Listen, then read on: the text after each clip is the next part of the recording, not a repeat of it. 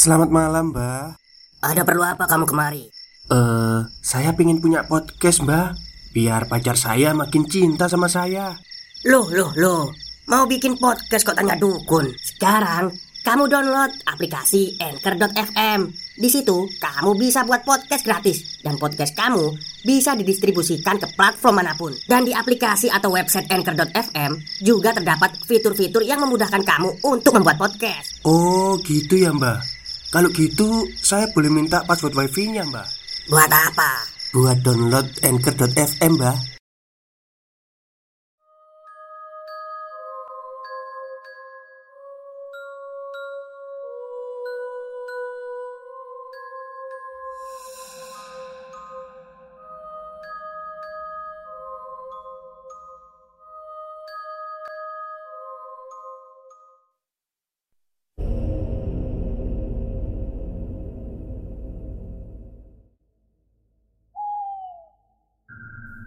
Assalamualaikum warahmatullahi wabarakatuh. Halo semuanya Jumpa lagi dengan saya Chow Sing Sing Kurator dari Podcast Horror Night Story.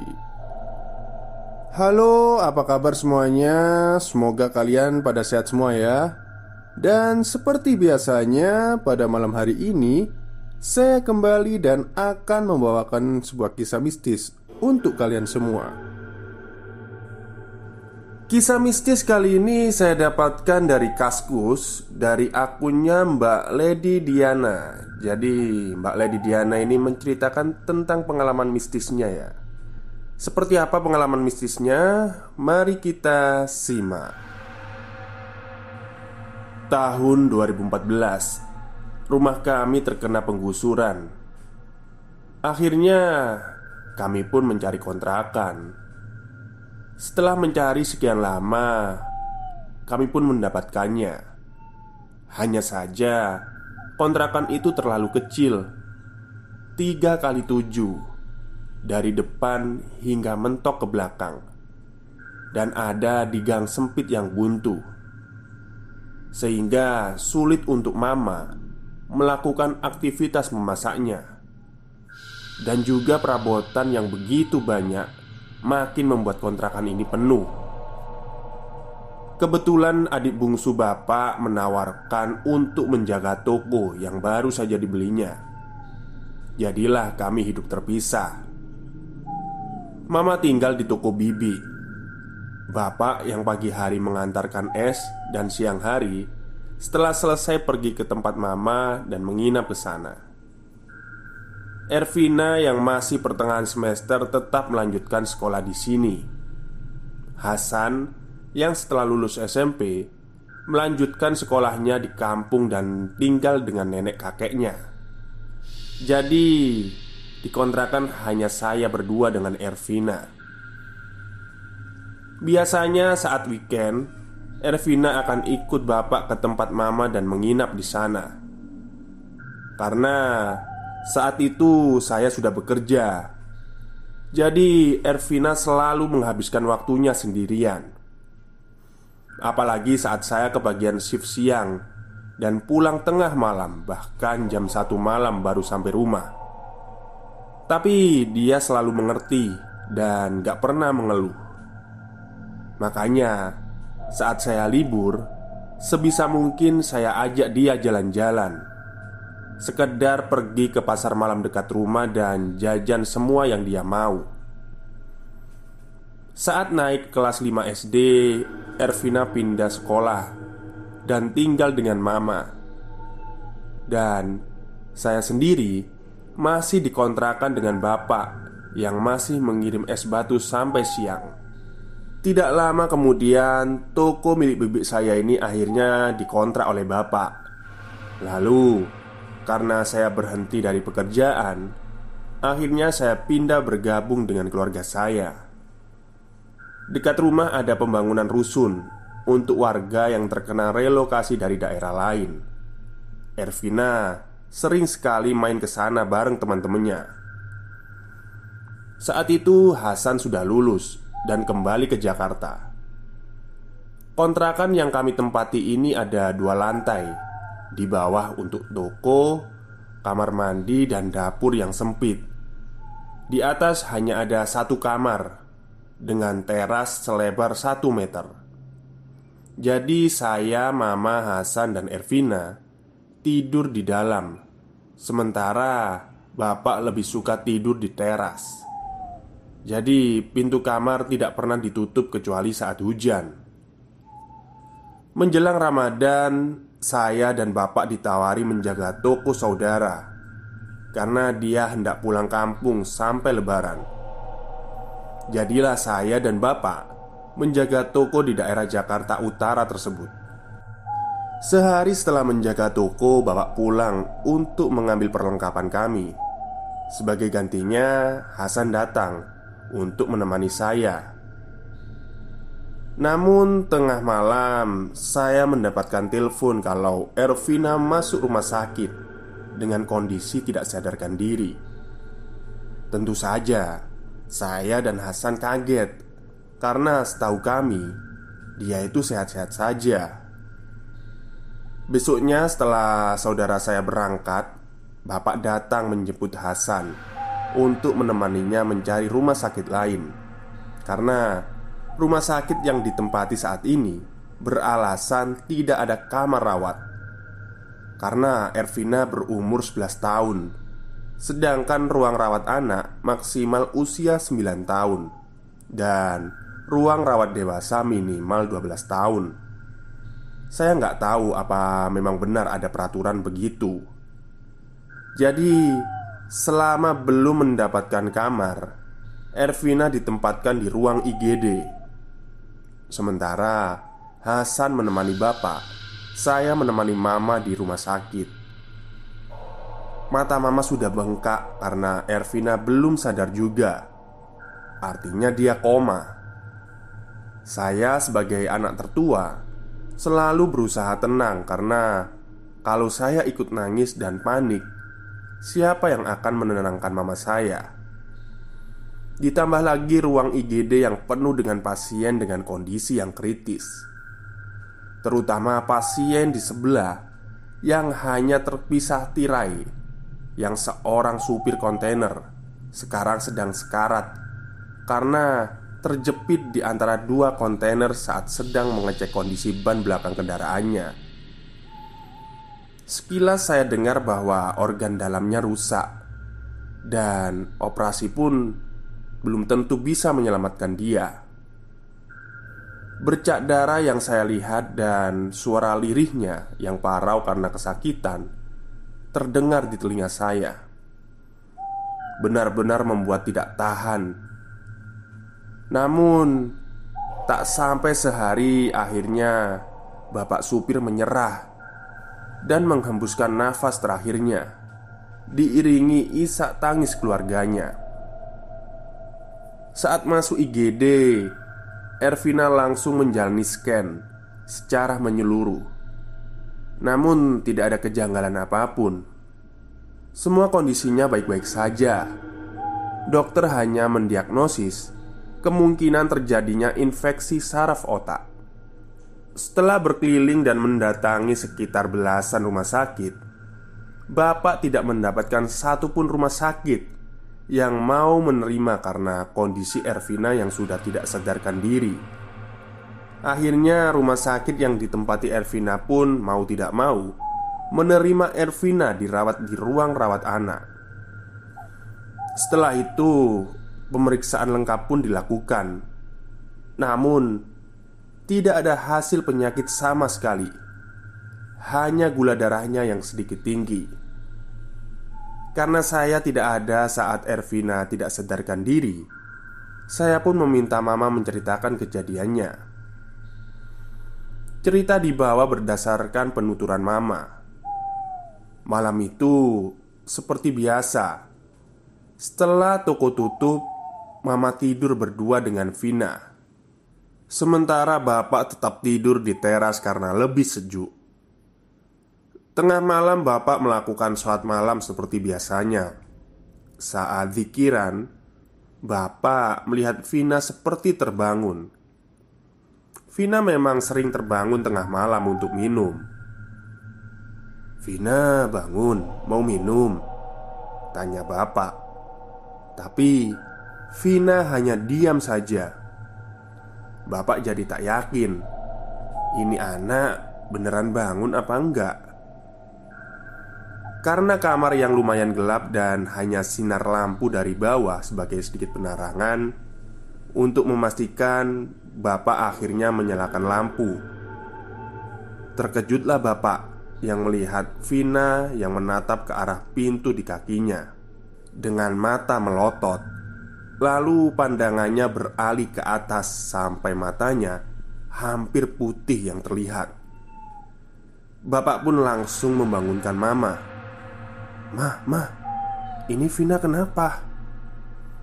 Mama yang bangun dengan kaget pun langsung menjerit melihat Vina. "Ya Allah, Vina, Vina, sadar nak Mama mencoba menyadarkan diri Dengan mengguncang-guncang tubuh Vina Karena tak merespon Bapak menggendong Vina ke bawah Untuk membawanya ke rumah sakit Begitu sampai di bawah Tiba-tiba Tubuh Vina kejang-kejang Dengan begitu hebatnya Mama yang sedang memeluk Vina bahkan hampir kewalahan dan pelukannya hampir terlepas. Mama sudah berteriak ketakutan karena badan Vina semakin dingin. Bapak meminta tolong kepada tetangga sebelah kami yang belum tidur untuk minta dicarikan taksi. Sementara bapak menggantikan mama memegangi Vina. Dengan bantuan beberapa tetangga, mereka membawa Vina ke depan gang dengan taksi yang sudah menunggu. Begitu masuk ke dalam taksi, tubuh Vina yang kejang-kejang langsung berhenti, dan Vina langsung tak sadarkan diri. Tak lama kemudian, mereka sampai di rumah sakit. Kembali lagi ke rumah sakit karena tak ada penyakit yang ditemukan. Kami pun sempat bingung, dan Pihak rumah sakit juga tidak bisa memberikan pengobatan tanpa adanya kepastian sakit yang diderita. Hanya infus sebagai pencegah dehidrasi dan kekurangan nutrisi selama Vina tak sadarkan diri. Tak lama Babe datang untuk menengok. Seolah-olah sudah tahu apa yang terjadi. Babe datang dengan membawa sebotol aqua besar yang sudah dibacakan doa-doa. Vina sempat tersadar beberapa kali meski hanya menggerakkan kepalanya Namun matanya tetap terpejam Lalu Babe mengajak bapak bicara Anakmu ini nggak sakit. Tapi Dia lagi dibawa pergi ke alam lain. Untungnya Vina ini kuat nolak. Gak mau ikut. Jadi Sempat beberapa kali gak sadar. Kagetlah bapak mendengarnya. Kenapa bisa begitu kak? Di dekat rumahmu itu ada proyek pembangunan ya? Bapak mengangguk mengiyakan. Gara-gara proyek itulah makanya Vina jadi begini. Maksudnya? Bapak bingung karena tidak mengerti sama sekali. Vina itu sering main ke sana kan? Nah Proyek itu orang pelaksananya pakai syarat-syarat tertentu. Salah satunya tumbal. Dan Vinala yang mau diambil jadi tumbalnya Bapak benar Terkejut dan terpukul.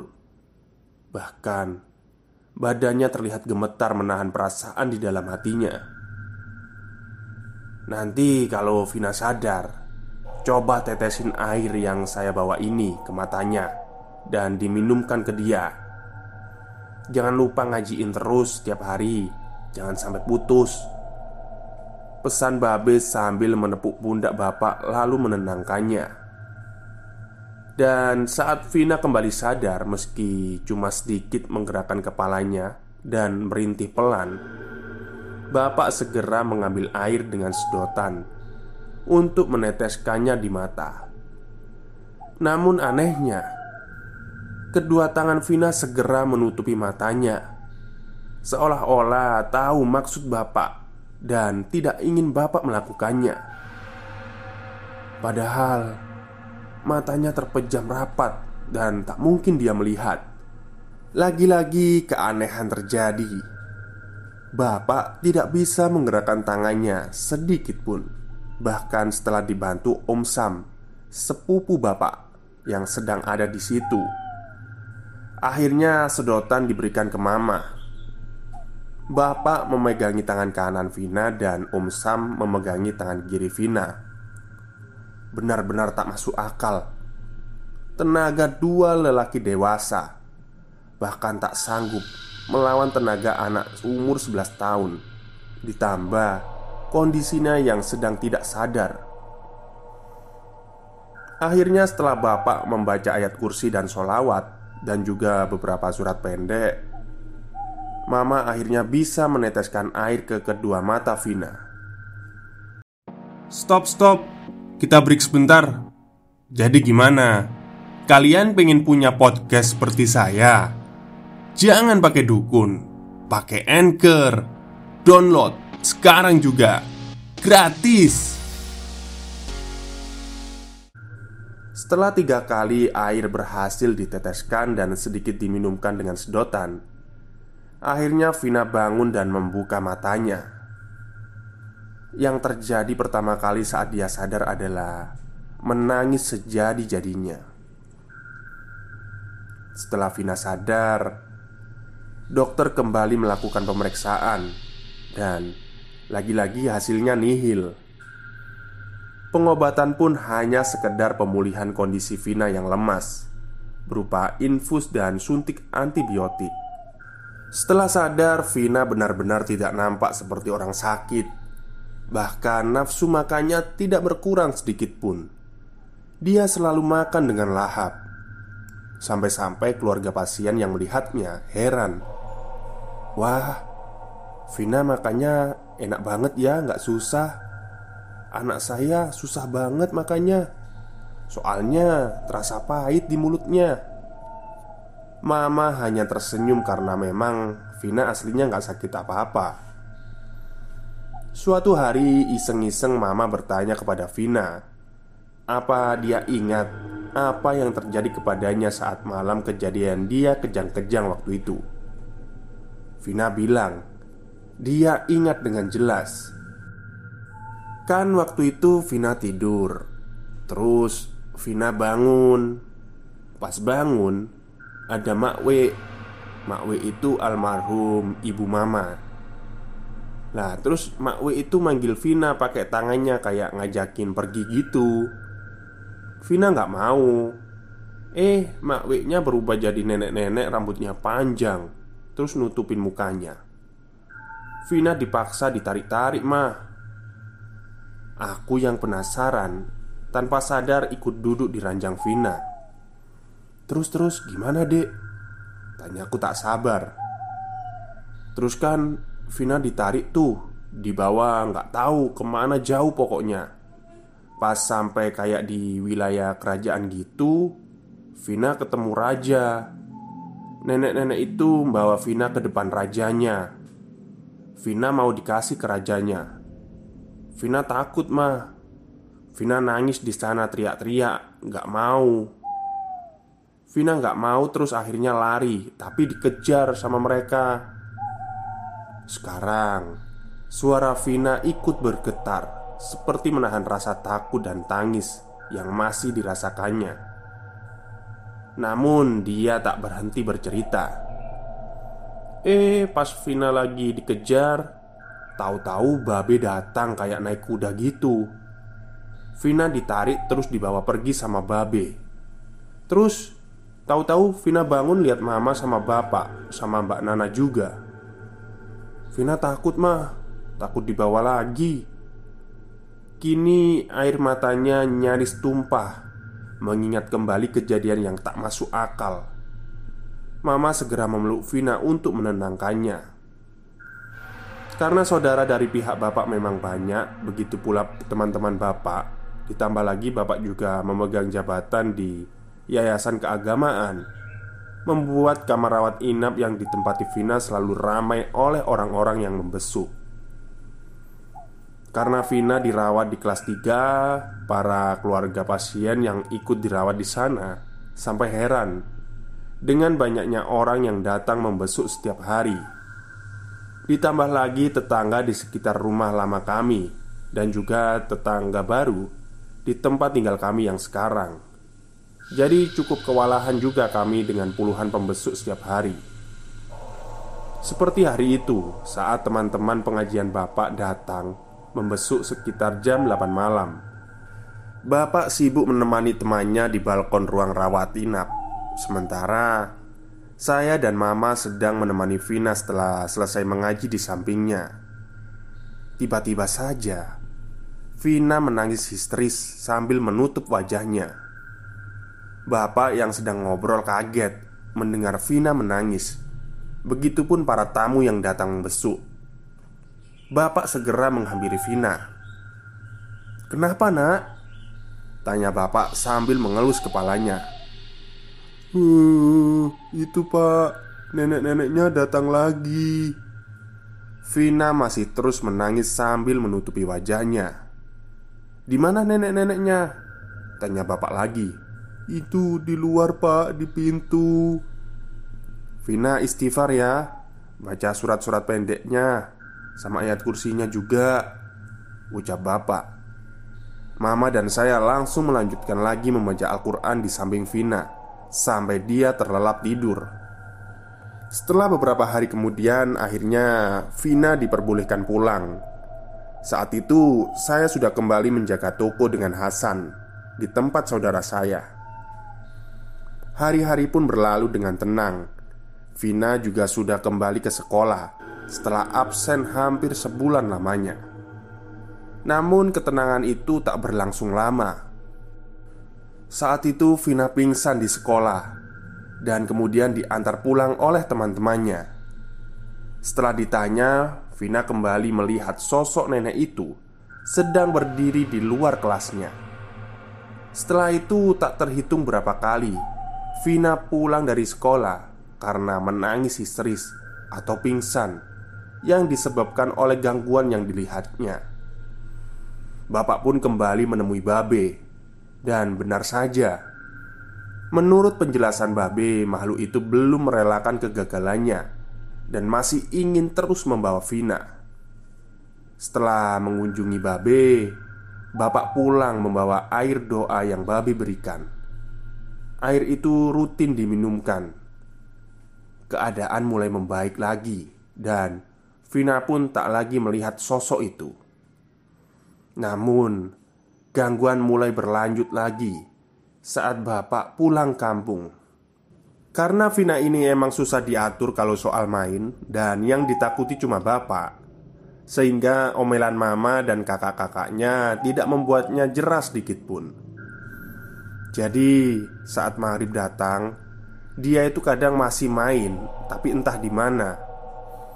Padahal saat ada bapak, maghrib sampai isya adalah waktunya mengaji.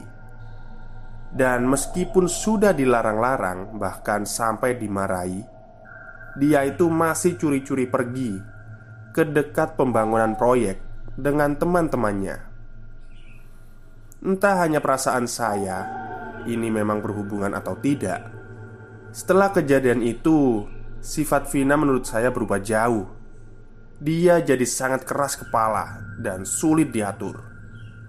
Dan hanya menurut saat ada bapak.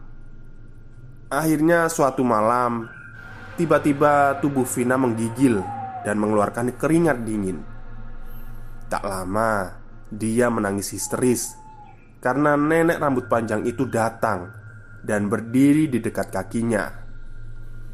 Tak ada orang lain yang bisa melihatnya, padahal kami di sampingnya waktu itu. Dia terus menangis dan memeluk Mama.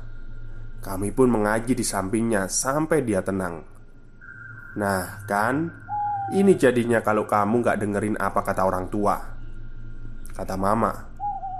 Setelah sholat, gak boleh ditinggalin Terus maghrib itu jangan main di luar Tapi diem di rumah sholat terus ngaji. Biar Vina dilindungi oleh Allah. Kalau Vinanya bandel nanti setannya bakal datang terus. Vina mau. Vina hanya menggeleng sambil sesenggukan. Makanya mulai sekarang yang rajin sholat sama ngajinya. Lanjut mama sambil terus memeluk Vina. Saya pun tak ketinggalan ikut bicara Terus kamu jangan main ke proyek lagi. Nanti setannya nyulik kamu di sana. Terus dibawa sama badan-badannya Gimana? Kamu mau hilang di bawah setan. Anak yang diculik wewe gombel aja belum tentu balik. Apalagi diculik sama setan begituan. Nanti kamu dipenjarain sama rajanya. Terus dijadiin budak di sana Disiksa. Kataku dengan nada menakut-nakuti Karena memang sudah gemes Melihat kenakalannya. Alhasil saya dapat cubitan dari mama di paha Ditambah pelototan mama ke saya. Saya sih cuma nyengir aja. Gangguan itu memang tak sepenuhnya hilang. Vina masih sering melihat si nenek Namun dengan jarak yang cukup jauh dan tak bisa mendekat. Sementara itu Memang Vina ini jadi agak sensitif terhadap hal-hal gaib. Seperti kejadian yang belum lama terjadi. Saat itu Vina sudah lulus SD Dan baru saja masuk SMP Namun hobi ngelayapnya tak kunjung hilang. Saat itu Vina lagi asyik bercanda di depan kontrakan Bareng anak tetangga yang belum tidur. Lalu Mama keluar toko dan memanggil Vina Vina pulang. Belum sholat isya kamu. Udah disuruh dari tadi sampai udah jam 10 malam gini Belum isya juga. Mama mulai mengomel. Iya iya. Vina menjawab sambil ngedumel. Masuklah dia ke dalam rumah Tapi malah langsung naik ke atas. Disuruh sholat malah langsung naik ke atas. Bukannya ambil air wudhu dulu Hasan pun ikut mengomel. Karena memang kamar mandi hanya di bawah. Di atas ini lumayan luas Ada kasur dan dua lemari. Awalnya tangga ada di tengah Dan jadi sekat untuk kamar Namun dibongkar oleh bapak Dan tangga dipindah ke pojok. Jadi ruangan ini los sampai pintu di depan pintu ada balkon selebar 1 meter sebagai tempat menjemur pakaian. Saat Mama lagi asyik ngobrol dengan tetangga Lalu saya dan Hasan juga lagi jaga toko Tiba-tiba Vina berteriak Dan berlari turun. Mama Kenapa kenapa? Mama yang mendengar teriakan Vina Segera masuk ke rumah Dan menghampiri Vina Itu mah Tadi kan Vina lagi main gambaran. Terus sapu yang di pintu jatuh. Pas Vina noleh di pintu Ada cewek pakai baju putih. Rambutnya panjang berdiri liatin Vina. Memang kami semua mendengar suara sapu jatuh. Setelah sekelebat angin dingin menghembus ke arah rumah. Lalu setelah itu disusul gerimis kecil yang turun Nah kan? Itu Vina diliatin biar Vina sholat. Makanya sholat sana Kata mama. Takut mah Vina merajuk. Ya udahlah Sholat di bawah aja di kamar mama. Sini mama temenin. Saya pun cuma ketawa Nyeletuk ngeledekin dia. Lagian disuruh sholat malah main gambaran. Dikerjain kan jadinya Paling dia sudah ada di sana ngeliatin kamu main gambaran. Tapi kamunya nggak noleh-noleh. Makanya Dijatuhin dah tuh sapu biar noleh. Vina makin cemberut kesal karena diledek. Akhirnya saat malam Tidak ada yang berani naik ke atas. Barulah Saat mama ikut naik dan tidur di sana Hasan dan Vina mau tidur Bahkan besoknya setelah dibangunkan mama untuk sholat subuh Mereka berdua langsung turun setelah sholat karena mama juga turun untuk siap-siap buka toko Sampai maghrib pun tak ada yang berani naik ke atas. Loh, kok lampunya belum dinyalain? Kan udah gelap. Saya yang mampir ke toko heran saat pergi ke dapur dan juga di bawah tangga, melihat di atas masih gelap. Hasan pun nyeletuk, "Mbak aja yang nyalain lampunya." Ya elah, laki kok takut. Ledek saya kepada Hasan. "Udah, sana ah, nyalain." Kata Hasan bersunggut kesal. Dengan berbekal senter HP, saya naik ke atas dan Kondisinya benar-benar gelap karena semua pintu, baik yang di depan dan di sebelah kanan, tertutup rapat. Setelah menyalakan lampu, saya kembali turun. "Dah, naik sana. Sholat udah maghrib dari tadi juga," kataku Vina. "Enggak ah, takut. Sholat di bawah aja," jawab Vina sambil nyengir. Oke, terima kasih banyak kepada semuanya yang sudah mendengarkan podcast saya malam ini. Dan terima kasih kepada Mbak Lady Diana atas ceritanya. Ya memang ceritanya agak membingungkan ya. Tapi kalau baca tweetnya Itu saya rasa lebih apa ya mengerti daripada mendengarkan. Baik itu saja cerita pada malam hari ini. Semoga Anda semua terhibur. Selamat malam dan selamat beristirahat.